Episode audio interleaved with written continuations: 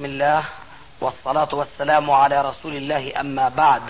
فهذا أحد أشريطة سلسلة الهدى والنور من الدروس العلمية والفتاوى الشرعية لشيخنا المحدث العلامة محمد ناصر الدين الألباني حفظه الله ونفع به الجميع.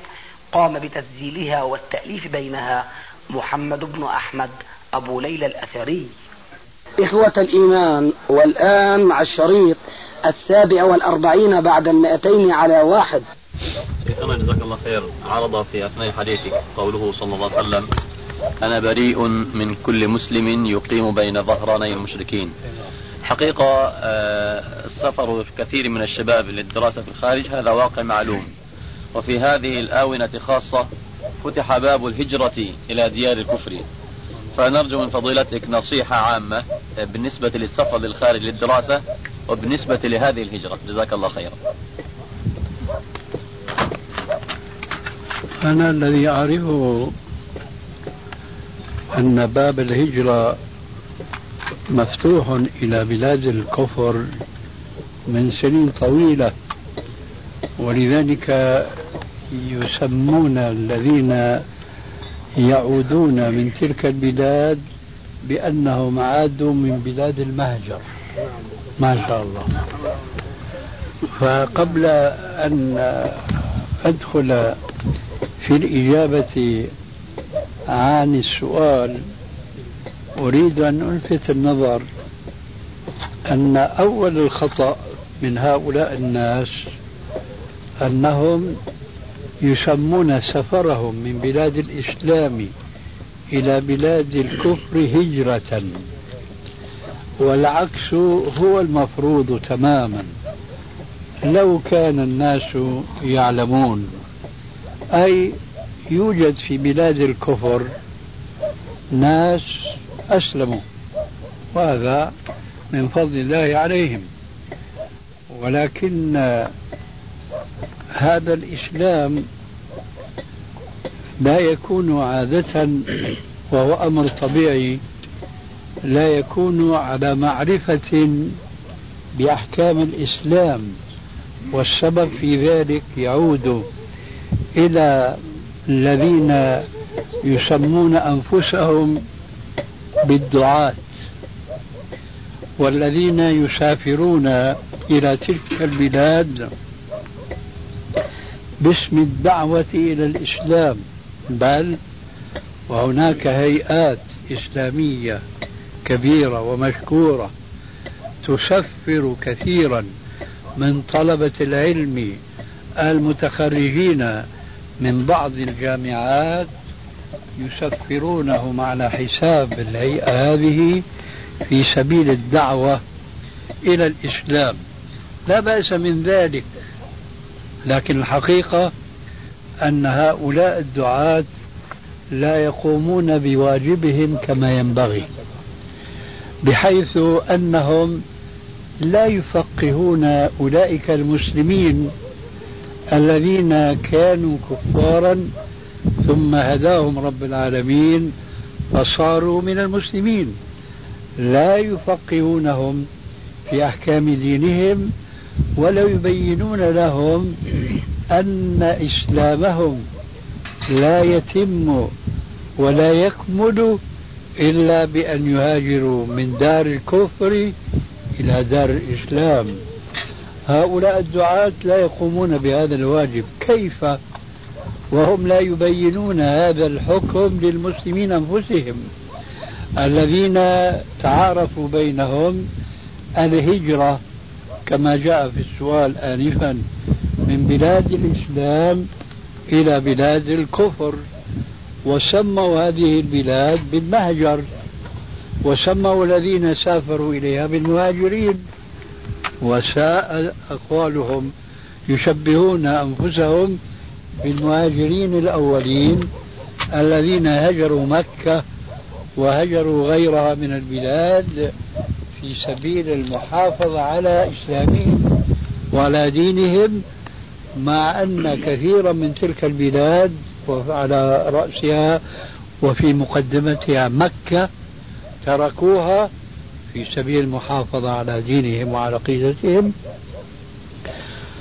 ولعل الجميع يذكر معي أن النبي صلى الله عليه وآله وسلم لما اضطره الكفار وإيذاؤهم إياه ولمن معه من المسلمين إلى أن يهاجر من مكة إلى المدينة.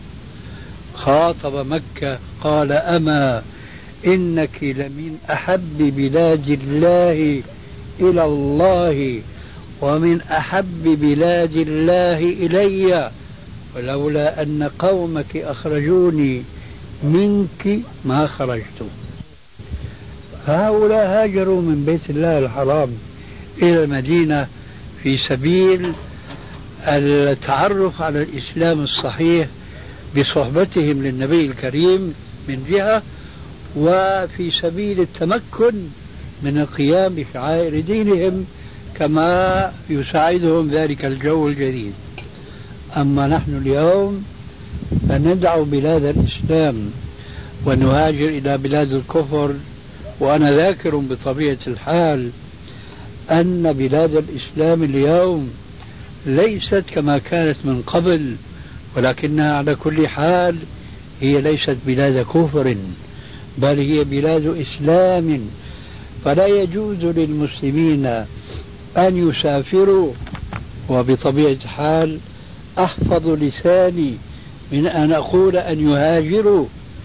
فأقول لا يجوز لهم أن يسافروا من بلاد الإسلام ويستوطنوا بلاد الكفر والشرك والطغيان لأنه قد جاءت في ذلك أحاديث كثيرة عن النبي عليه الصلاة والسلام بعضها صريح في النهي عن مساكنة المشركين كما ذكرنا آنفا من بعض الأحاديث ومن ذلك قوله عليه السلام من جامع المشرك فهو مثله من جامع المشرك فهو مثله المجامعة هنا هي المخالطة وهو الصحبة فليس هنا المجامعة من قبيل مجامعة الرجل لزوجته؟ وإنما هذا من باب مخالطة المسلم لغيره فلا يجوز إسلاميا أن يخالط المسلم المشركين ولا يجوز أن يعيش في بلادهم ولا يجوز له أن يعيش في محلاتهم في حاراتهم كما يقولون عندنا في بعض البلاد. عندنا في سوريا تعلمون جميعا أنها كانت بلاد الرومان يحكمهم الروم يحكمهم هرقل ثم ربنا عز وجل فتح تلك البلاد على يد خالد بن الوليد وأبي عبيده بن الجراح ورفعت في تلك البلاد رايه الإسلام وخضع الكفر لأحكام الإسلام فعاشوا في بلاد الشام وهم يعطون الجزية عن يد وهم صاغرون. ولذلك كان من نظام الإسلام أن المسلمين لما استوطنوا تلك البلاد انمازوا وانحازوا وانفصلوا في مساكنهم وفي بيوتهم وفي دكاكينهم عن مساكن النصارى وبيوتهم. وكان ولا يزال إلى اليوم يوجد عندنا في بعض البلاد كدمشق وغيرها آه، حارة تسمى بحارة اليهود حارة تسمى بحارة النصارى أي هاتان المنطقتان مختصتان بسكن اليهود والنصارى لماذا؟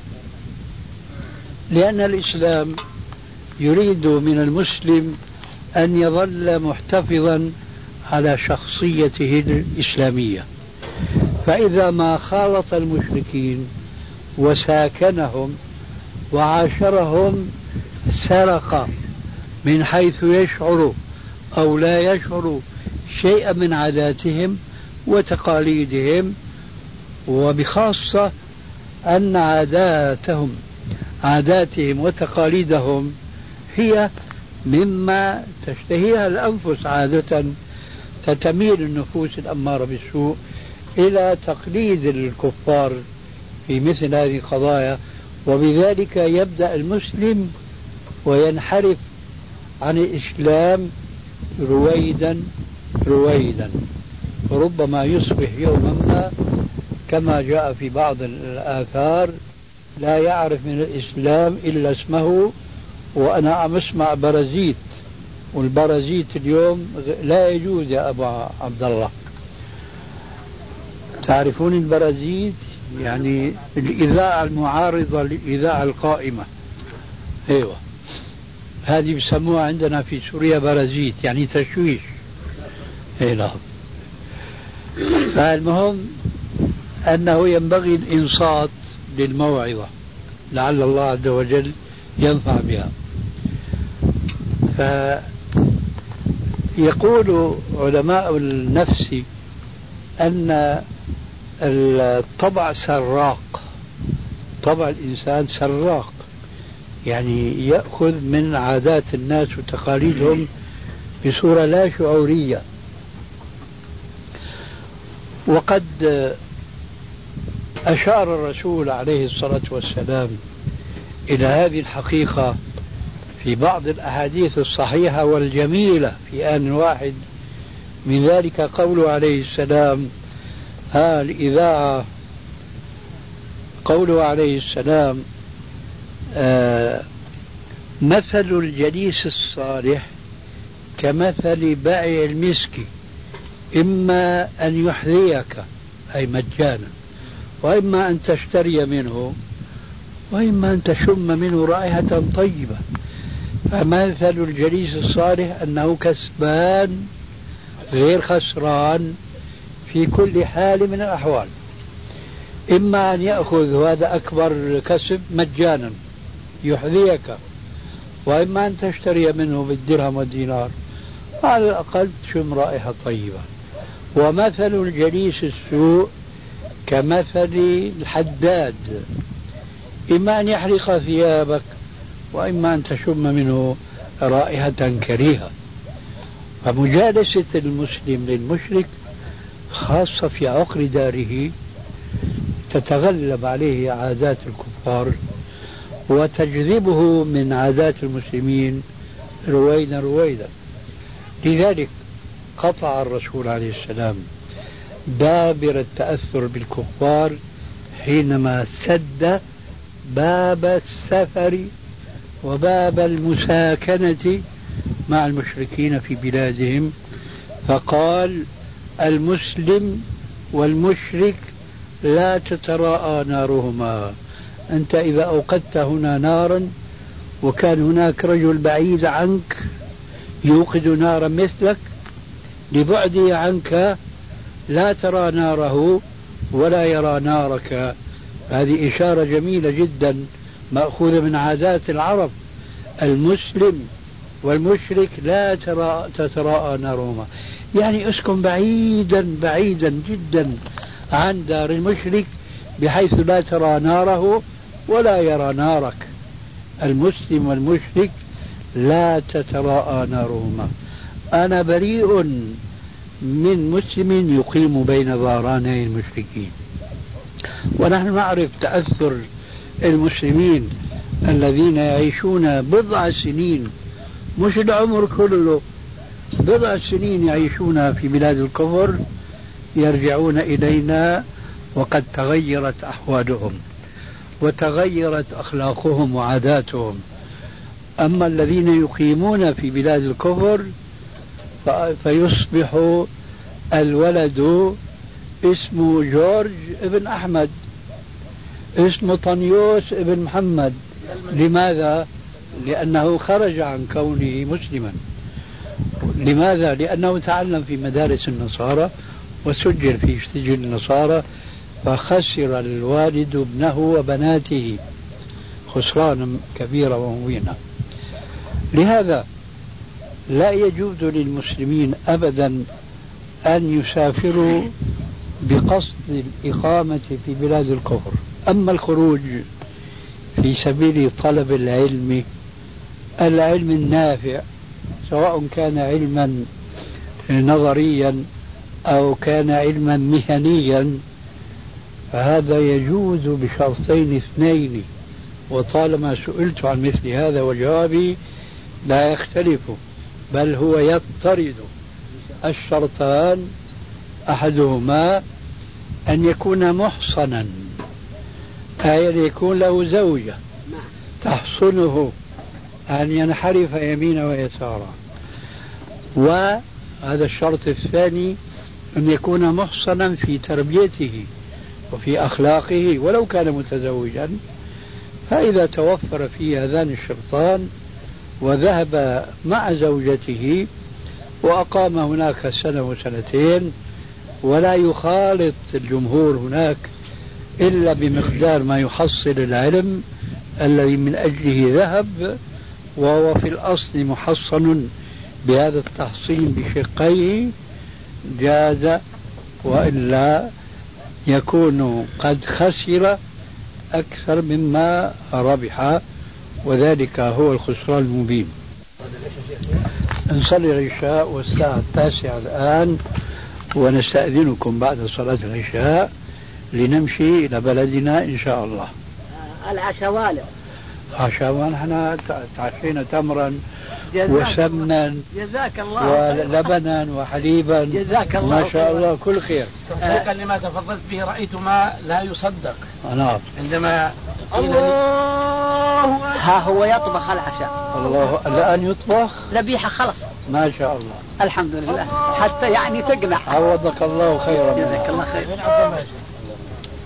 الله أكبر الله أشهد أن لا إله إلا الله. أشهد أن لا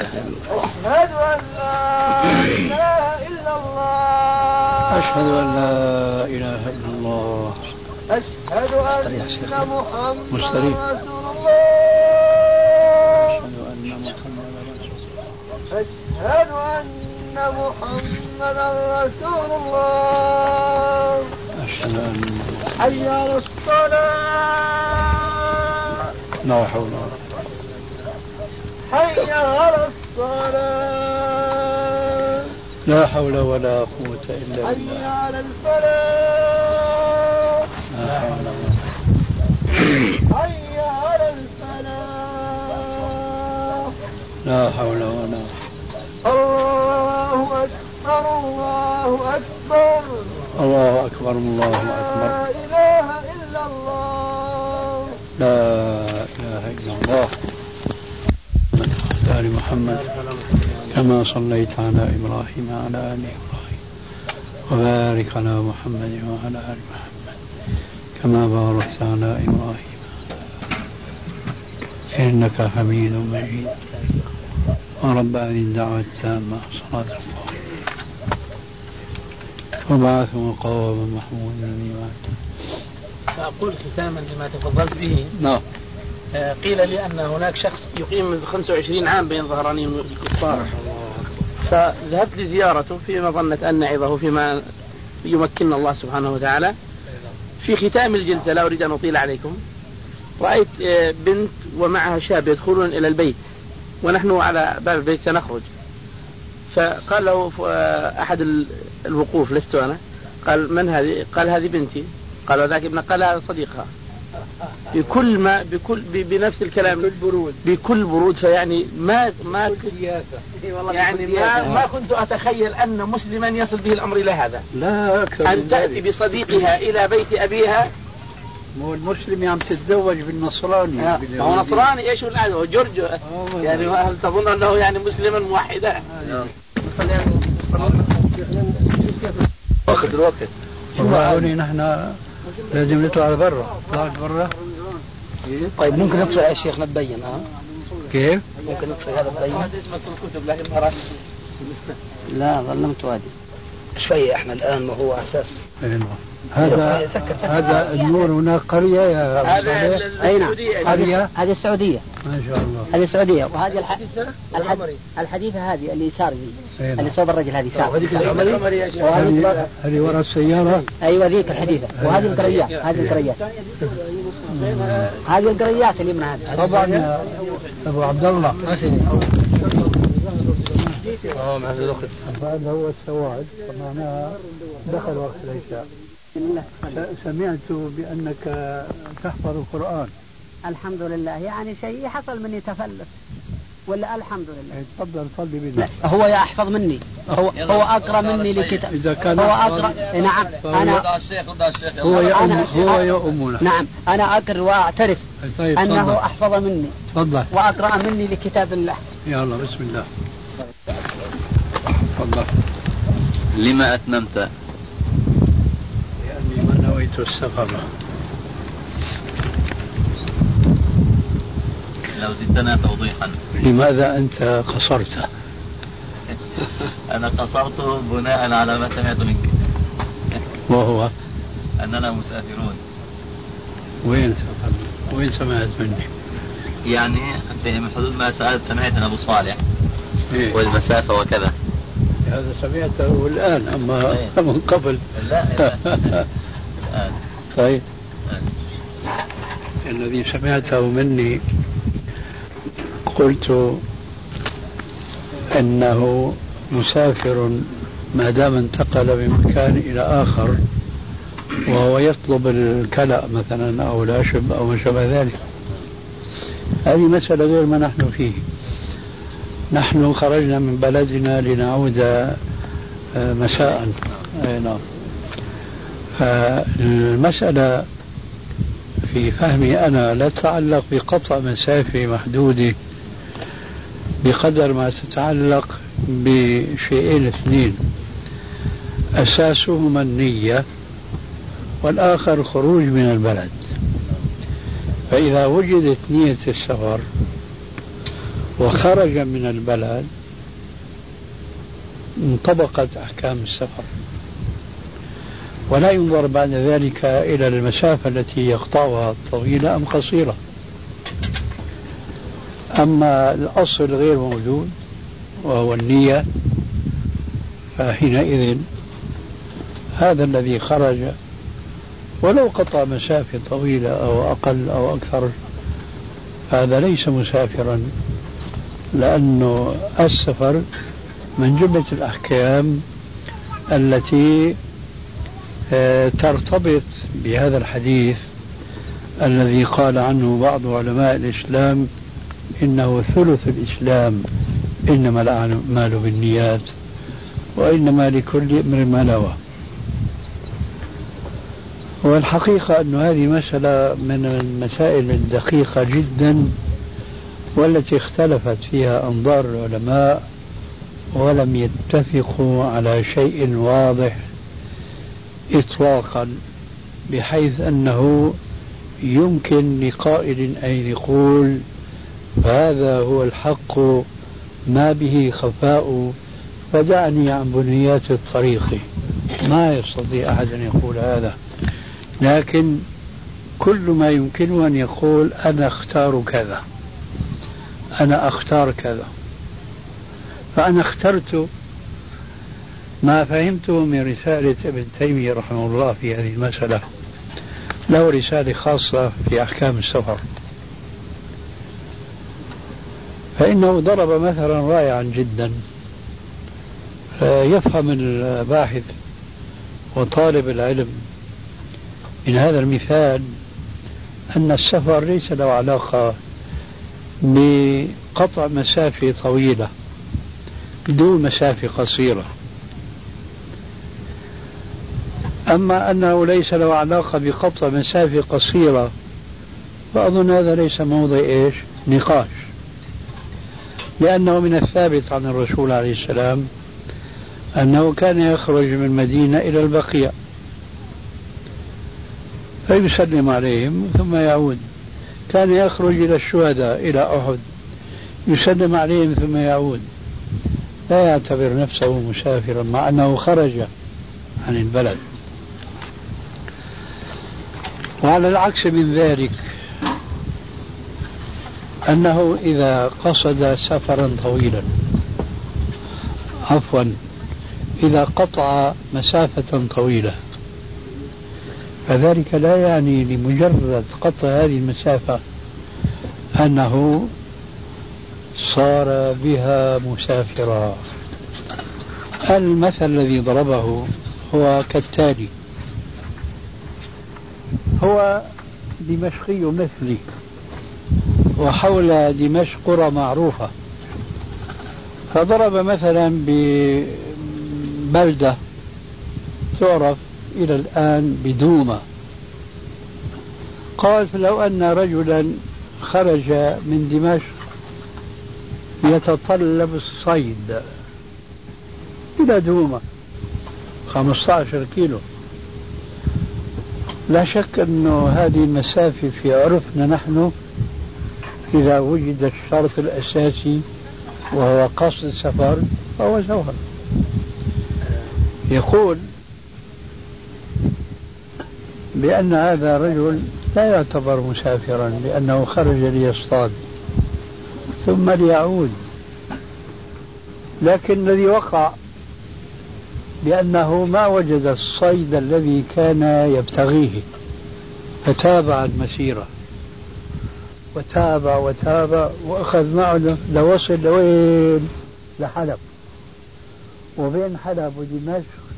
نحو 400 كيلو متر اليوم بالسيارة يقول هذا ليس مسافرا مع أنه قطع مسافات للمسافر ليس مسافة واحدة. لأن الشرط الأول وهو قصد السفر لم يكن من هذا الإنسان. وعلى هذا نستطيع أن نقول سائق سيارة. بيصل بيخرج على بكرة من عمان مثلا إلى معان إلى العقبة. يرجع عشية هذا ليس مسافرا.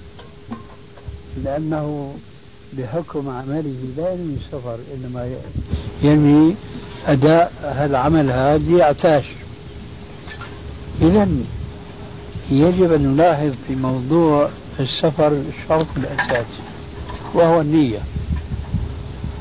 وبملاحظتنا لهذه النية تختلف آه، يختلف حكم شخصين قطع مسافة واحدة لكن أحدهما مسافر والآخر لا يعتبر مسافرا ذلك لاختلاف نيتهما. وعلى ذلك يتفرع أيضا أحكام تتعلق بحكم الإقامة. أي الإقامة المؤقتة. رجلان خرجا من بلدة مسافرين كلاهما.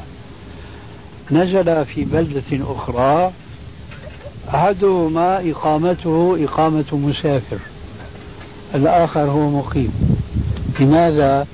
لأن له زوجة أخرى هناك. له زوجة أخرى وهو من زوجة إلى زوجة.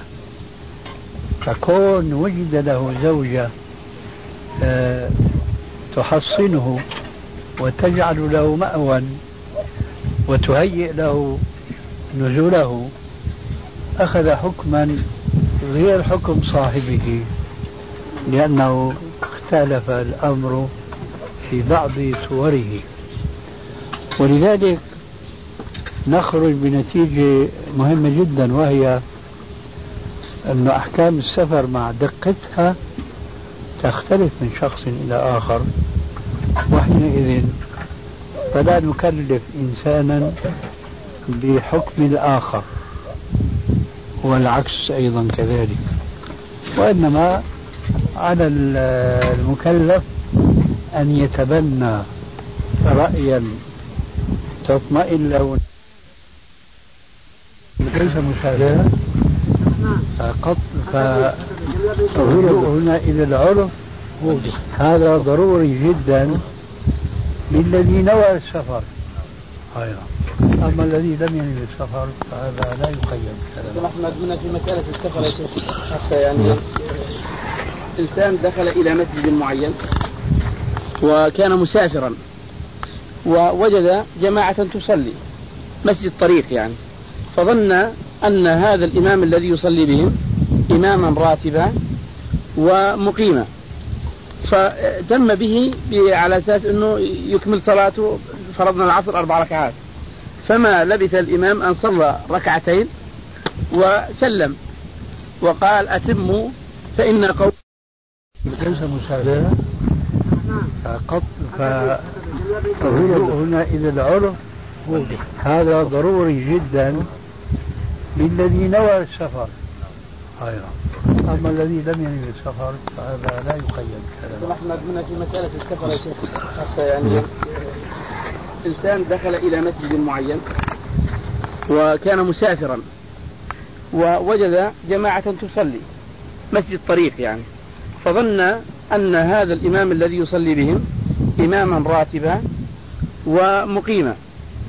فتم به على أساس أنه يكمل صلاته فرضنا العصر أربع ركعات. فما لبث الإمام أن صلى ركعتين وسلم. وقال أتموا فإن قوم سفر فماذا يفعل هذا المؤتم؟ الذي نوى أربعا. على حكم أنه مؤتم بمقيم. ثم تبين له أن الإمام مسافر. فماذا يفعل؟ نعم كلاهما. يسلم على الإمام. يسلم مع الإمام لأن يعني. لأنه الذي برر له آه النية نعم. كان خطأ. نعم. إيه، فيرجع إلى الصواب. جزاك الله خيرا. وإياك شيخنا بارك الله فيك آه، ما حكم الدعاء من الخطيب يوم الجمعة في نهاية الخطبة؟ التزام ذلك بدعة. التزام ذلك بدعة. وأشد ما تكون هذه البدعة الدعاء للملوك. ولكن للضرورة أحكام. والضرورة تقدر بقدرها أولا والضرورة يقدرها المبتلى واللي بيأكل العصي ليس كالذي يعدها. أريد أيضا إيضاحا آخر على نفس السؤال نحب هذا. آه، تأمين تأمين الناس على دعاء الإمام ورفع يدي الإمام والمأمومين. هؤلاء ليس لهم حكمه هؤلاء يلتزمون السنة. يصمتون ويسكنون ولا يرفعون. ولا يؤمنون. يسكتون ويسكنون ولا يرفعون. قرأنا في كتب فقه المذاهب خلافا كثيرا في عورة المرأة مع المرأة وعورة المرأة مع محارمها. فنرجو من فضيلتكم توضيح هذا. جزاكم الله خيرا. ليس عندنا ما يساعدنا على الإجابة عن هذا السؤال سوى الآية الكريمة.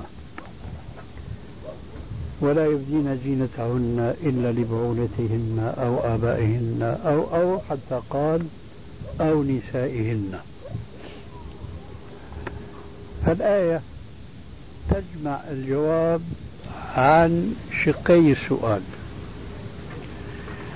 فهي تبين أن المرأة إنما يجوز لها أن تظهر أمام محارمها وأمام نسائها المسلمات مواضع الزينة فقط ولا شيء أكثر من ذلك. ومواضع الزينة في العهد الأول يوم نزلت الآية الكريمة معروفة. ونضرب مثلا مجسدا. لم يكن من مواضع الزينة لا في ذاك الزمان ولا في هذا الزمان. والحمد لله اللي ما وصل فساد الزمان أن تظهر المرأة أمام الرجال بتزيينها لثدييها. بتزيينها لثدييها. إذا لا يدخل في قوله ولا يبدين زينتهن يعني صدرها لماذا؟ لأن الصدر لم يكن يوم نزلت الآية موضعا للزينة ومن هنا نفهم بوضوح لا خفاء فيه مطلقا أن القول الشائع والذي نسمعه من بعض المشايخ ومن بعض الإذاعات أن عورة المرأة مع المرأة كعورة رجل مع الرجل أي من السرة إلى الركبة قول باطل. مخالف لهذه الآية الكريمة. لأن الآية تعني مع طبعا سابقات من آيات التي توضح لنا أن المرأة عورة.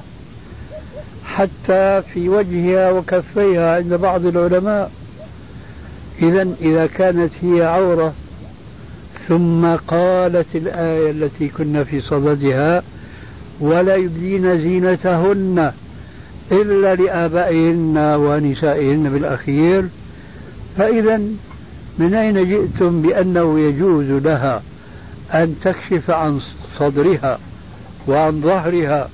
وكل ذلك لم يكن موطنا للزينة يوما ما. حتى في هذا الزمان الفاسد. إذا هذا قول في اعتقادي يجب أن يضرب به عرض الحائط. لأن كل قول خالف كتاب الله أو حديث رسول الله صلى الله عليه وسلم فذلك مما لا يجوز للمسلم أن يعرج عليه أو أن يأوي إليه كما قال ابن قيم الجوزي رحمه الله العلم قال الله قال رسوله قال الصحابة ليس بالتمويه ما العلم نصبك للخلاف سفاهة بين الرسول وبين رأي فقيه؟ كلا ولا جحد الصفات ونفيها حذرا من التعطيل والتشبيه فنحن نقول قال الله كذا وكذا. أنت بتقول قال الشيخ قال العالم وقال المذهب. هذا ما ينبغي أن يصدر من مسلم يؤمن بالله ورسوله حقا. فإذا هذه الآية هي أساس موضوع عورة المرأة مع المحارم وعورة المرأة مع المرأة. فلا يجوز لها أن تظهر أمام هذين الجنسين إلا ما كان موضع الزينة يومئذ. ما هو؟ الرأس وما حوى. ومنه العنق. والذراعان. أساور والإيش؟ آه شو اسمه دون البوع آه لا. اللي يوضع؟ ما له اسم عندكم؟ آه دملج ولا إيش؟ والله نسيت. والخلاخيل التي توضع على الرجلين الأقدام مع شيء من الساق موضع الخلاخيل هذه هذا يجوز للمرأة أن تبديه أمام محارمها وأمام أختها المسلمة. ما سوى ذلك تلبس القميص الشيال عندنا يقولون الذي ليس له أكمام فيظهر منها عضدها ويظهر منها ما تحت إبطها. ويظهر منها صدرها وظهرها فهذا كله انتهاك لحرمات الله تبارك وتعالى. وهذا مما لا يجوز. والآن الساعة العاشرة إلا ربع. أهلا وسهلا. سيدي أريد بس توضيح بسيط. أنا أعرف أن السنة الحمد لله. في عدم التأمين لسؤالي الآن بس كنت مستعجل أنا. يسألنا بعض الإخوان يقول لما لا يقاس التأمين على التأمين على أي دعاء. ولما لا يأخذ هذا الحكم؟ فقلنا نسمع من فضيلة الشيخ. أوضح السؤال مش واضح. أو أنا ما أو أنا على الأقل ما فهمته. قد يكون أنا أسلوبي ما كان واضح في طرح السؤال. أقول يعني بعض المخالفين لما نرى يقولون أنتم تقولون أن من التوسل الجائز أن يدعو رجل يظن فيه الصلاح ويؤمن المسلمون على دعائه. فلماذا لا تقبلون التأمين يوم الجمعة على دعاء المسلمين؟ على دعاء الرجل الذي يظن فيه الصلاح ولماذا لا نرفع الأيدي والسنة أن ترفع الأيدي في غير هذا الموضع؟ واضح لأن الرسول عليه السلام ما فعل ذلك. فنحن أتباع الرسول. والقياس في العبادات لا يجوز. والجواب يعني ما يحتاج إلى شيء من التفصيل أبدا. لماذا لا نفعل؟ لأن الرسول ما فعل. لأن السلف ما فعل. فحسبكم هذا التفاوت بيننا وكل إناء بما فيه ينضح. الإمام شوف يسوي؟ ما يدعيش.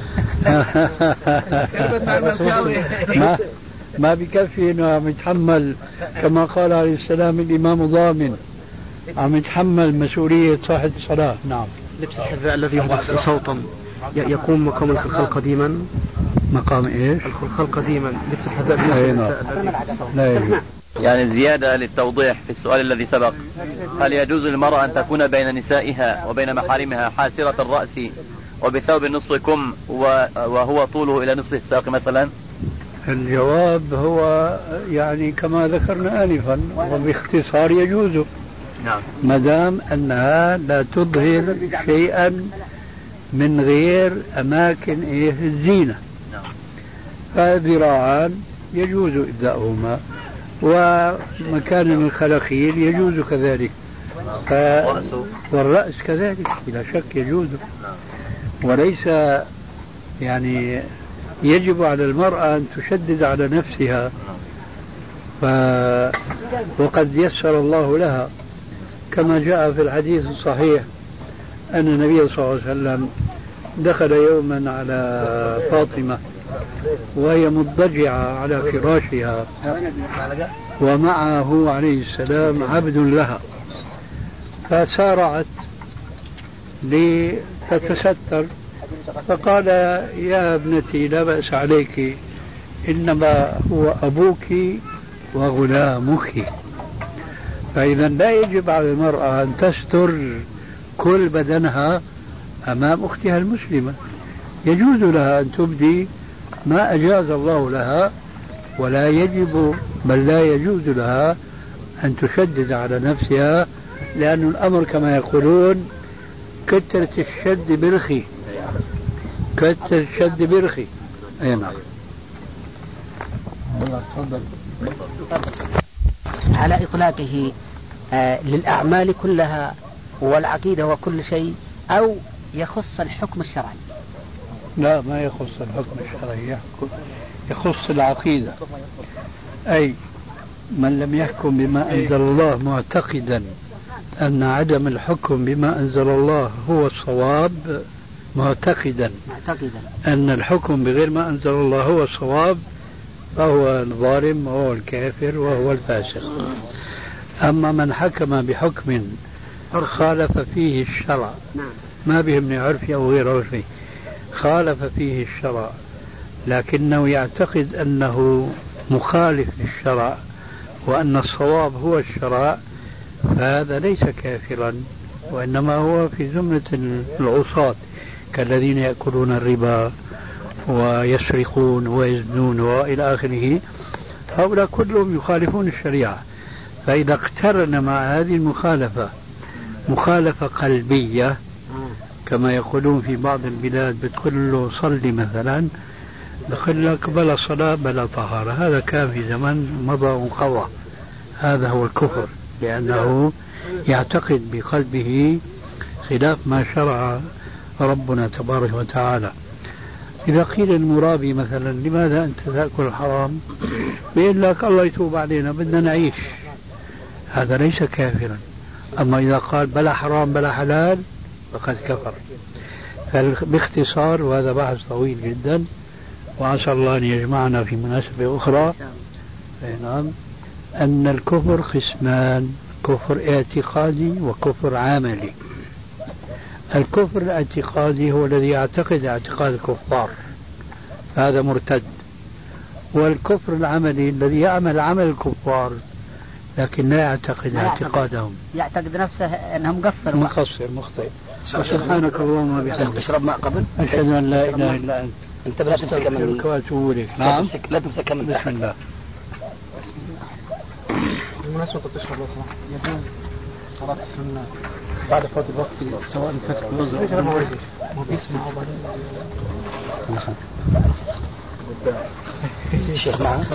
الحمد لله السنة إذا فاتته دون سعي منه فيجوز قضاؤها. الشيخ أما إذا كان تعمد إخراج عن وقتها فلا تقضى. فهمت علي؟ يعني انه مثلا بعذر مثلا؟ أيوه. مثلا دخل المسجد والصلاة قائمة. نعم. هو ما صلى سنة قبلية فيصليها بعد.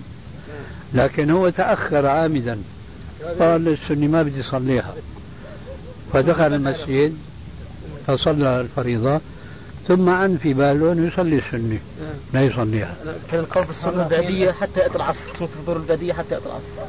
لذلك إذا كتب عذر يصليها وإن كتب بدون عذر ما يصليها الوقت مستمر معه. هذا. العصر أذن العصر. أذن العصر وما صلى. أذن العصر وما صلى لماذا ما صلى؟ عامدا؟ عامدا معذورا. ما أخذت الجواب. خلاص. ما يصلى معذورا يصليها يا سيدي. تمسك اللوكس هيك على الطريق. أيوه. إخوة الإيمان والآن مع مجلس آخر هل يجوز هل يجوز القول بأن لفظنا بالقرآن مخلوق؟ هذه المسألة في اعتقادي لا حاجة ولا مبرر لإثارتها في العصر الحاضر لأنها قد تكون سببا لإساءة فهم السامعين لهذه الكلمة سواء أثبتت أو نفيت. فإذا قيل لفظي بالقرآن مخلوق ممكن أن يؤخذ على أن القرآن نفسه مخلوق. وهذا ما وقع في إمام المحدثين في زمانه وهو الإمام البخاري. فكبار أصحابه وكثير من حفاظ الحديث خاصموه وعادوه بأنه قال هذه الكلمة والآن نحن لسنا في هذا الصدد وفي هذا العصر. ذلك لأن جماهير المسلمين اليوم حينما يشاركوننا في الاعتقاد بأن القرآن كلام الله وكلام الله غير مخلوق هم يفسرونه بتفسير معروف في كتبهم بأن كلام الله تبارك وتعالى نفسي وليس كلاما لفظيا مسموعا عند المصطفين الأخيار. الخلاف الآن الموجود يكفينا ولا نريد أن نثير خلافا قديما كان بين أهل السنة أنفسهم. فالخلاف الموجود اليوم بين أهل السنة وأتباع أهل الحديث والمخالفين لهم ممن ينتمون إلى مذهب الماتريدي أو الأشعري هذا الخلاف كافينا. فما يجوز أن نثير بيننا نحن الذين نقول بأن كلام الله عز وجل كلام حقيقي مسموع مسموع كما في الآية الكريمة فاستمع لما يوحى. أما هل يجوز أن نقول لفظي بالقرآن مخلوق؟ ما الذي يترتب من وراء هذا وخاصة في العصر الحاضر؟ فهو في اعتقادي وهذا خلاصة جوابي إنه غير ذي موضوع الآن في العصر الحاضر.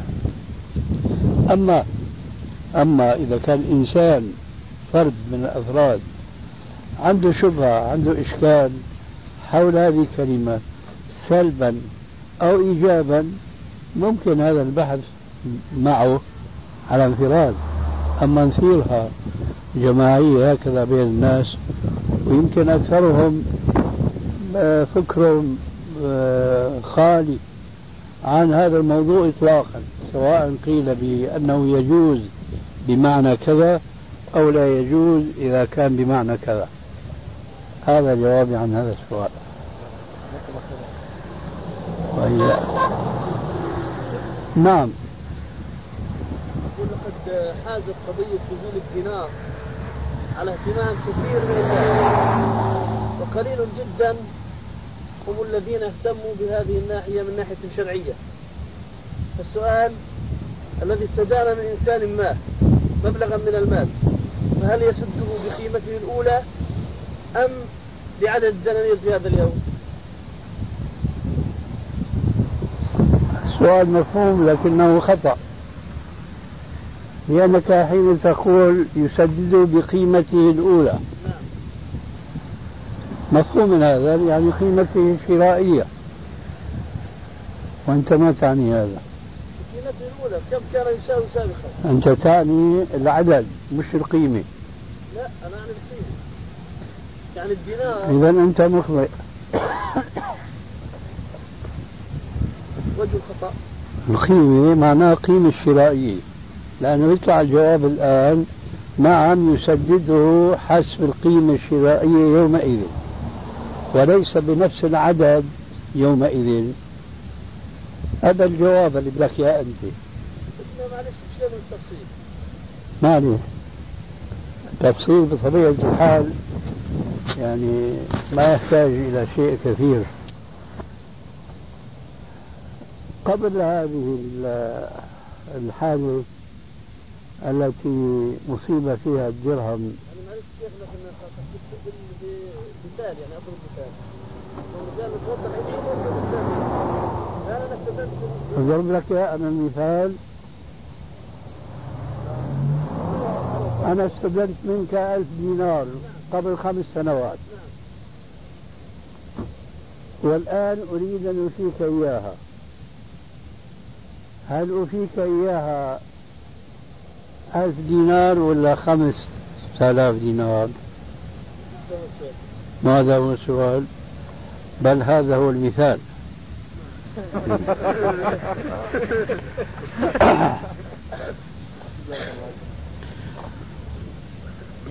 أنا قلت من زمان أتكلم في هذه المسألة قبل أن ينزل الدينار.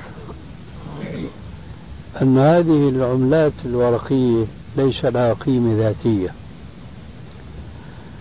ولذلك فلا يجوز المتاجرة بها.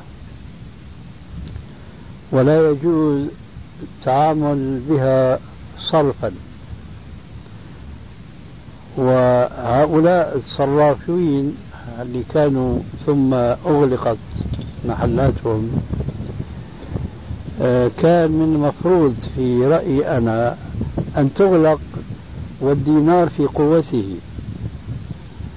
لأنه شراء العملات الورقية بالورق هذه في الحقيقة عملية ربوية. لأننا إذا تصورنا هذه الحقيقة وهي أن هذه العملات الورقية ليس لها قيمة ذاتية من حيث أنها ورق لكن لها قيمة اعتبارية. هذه القيمة الاعتبارية عم تكون في زمن لا قيمة عالية وفي زمن عم تهبط هذه القيمة كما هو واضح الآن في دينارنا وكما كان واضحا في الليرة السورية وفي الدينار العراقي. فشراء عملة ورقية بعملة ورقية ليس كما لو اشتريت ورق من قياس طويل بورق من قياس قصير. لأن هذه ليست من الأمور الربوية التي لا يجوز فيها التفاضل وأنه يجب فيها التساوي مثل بمثل ويدا بيد. أعني الورق البياض. أما هذه العملة الورقية فالتفاضل فيها هو عين الربا لأن قيمتها مربوط بالذهب. وعليكم السلام وبركاته.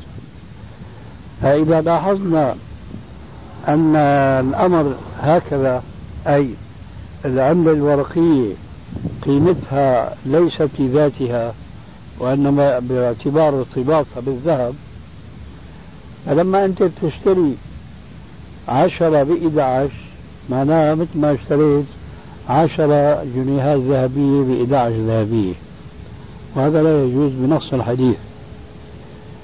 وانكشف الأمر انكشافا واضحا بسبب هبوط الدينار الأردني في الأيام القريبة هذه وهنا تحرك بعض الناس. بينما المسألة كانت من قبل واضحة جدا أن متاجرة والتعاطي عملية الصرف بالعملات الورقية سواء كانت عربية أو كانت أجنبية لا يجوز فيها.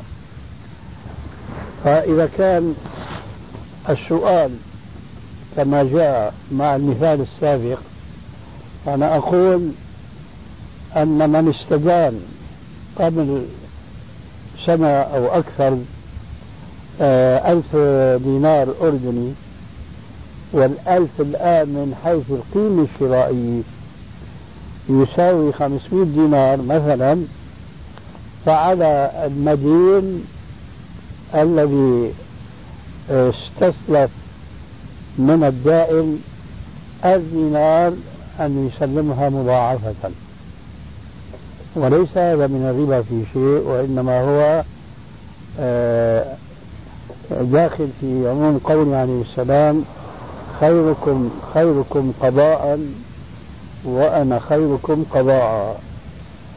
وواضح جدا أن الذي أقرض أخاه المسلم منذ سنة مثلا ألف دينار قد أحسن إليه. المقرض إذا أراد أن يوفيه اليوم ألف دينار وهي في القوة الشرائية تساوي خمسمية. أو نحو ذلك مش مهم الدقة هنا. أنه يسيء إليه. والشرع أقام المعاملة على مثل قوله تعالى هل جزاء الإحسان إلا الإحسان؟ وقوله صلى الله عليه وآله وسلم أحب للناس ما تحب لنفسك. وقوله لا يؤمن أحدكم حتى يحب لأخيه ما يحب لنفسه. فهذا المدين الذي يصعب عليه الآن أن يدفع بدل الألف ألفين ليقلب الوضع فكريا ونظريا ليفترض أنه كان هو الدائن. ودائنه كان هو المدينة. ماذا يفعل؟ يرضى بأن يقبض بدل الألف الألف عينا مع أن قوة الشرائية على النصف بلا شك لا يرضى ذلك. فهنا يأتي الحديث المذكور آنفا لا يؤمن أحدكم حتى يحب لأخيه ما يحب لنفسه. ومن هنا أخذ المثل العامي السائر المعروف. حط إصبعتك بعينك مثل ما تجعل تجعل غيرك. والتعامل على هذا الأساس من الحب الخير كما جاء في بعض روايات الحديث لا يؤمن أحدكم حتى يحب لأخيه ما يحب لنفسه من الخير. هذا الأساس في التعامل هو الذي يجب أن تقوم علاقات بعضنا مع بعض. هذا هو جواب ما سألت بالضبط. القول هو الدينار. طيب يا أخي المسألة يعني مثل ما بيقولوا في بعض البلاد بايخة. أفترض الآن أن استمر الدينار بالنزول والنزول حتى تعطل. ويلغي بالمرة كما أصاب ألمانيا في زمنها في ماركها. فإذا كان رجل كان مدينا بمليون مارك بعد ما تعطل المارك بيقول له خذ مليون. هذا شيء واضح. مكشوف إنه في ظلم للدائن بدل الإحسان إليه والإحسان في الوفاء يتطلب الزيادة في الوفاء. وليس النقص. الحديث السابق. إخوة الإيمان تتمة الكلام في الشريط التالي. وأنا خيركم قضاء. قاله الرسول عليه السلام حينما وفى الرجل بدل الجمل جملين. هذا ليس من الربا في شيء هذا من حسن المعاملة. الربا هو أن يشترط الدائن على المدين الزيادة. أما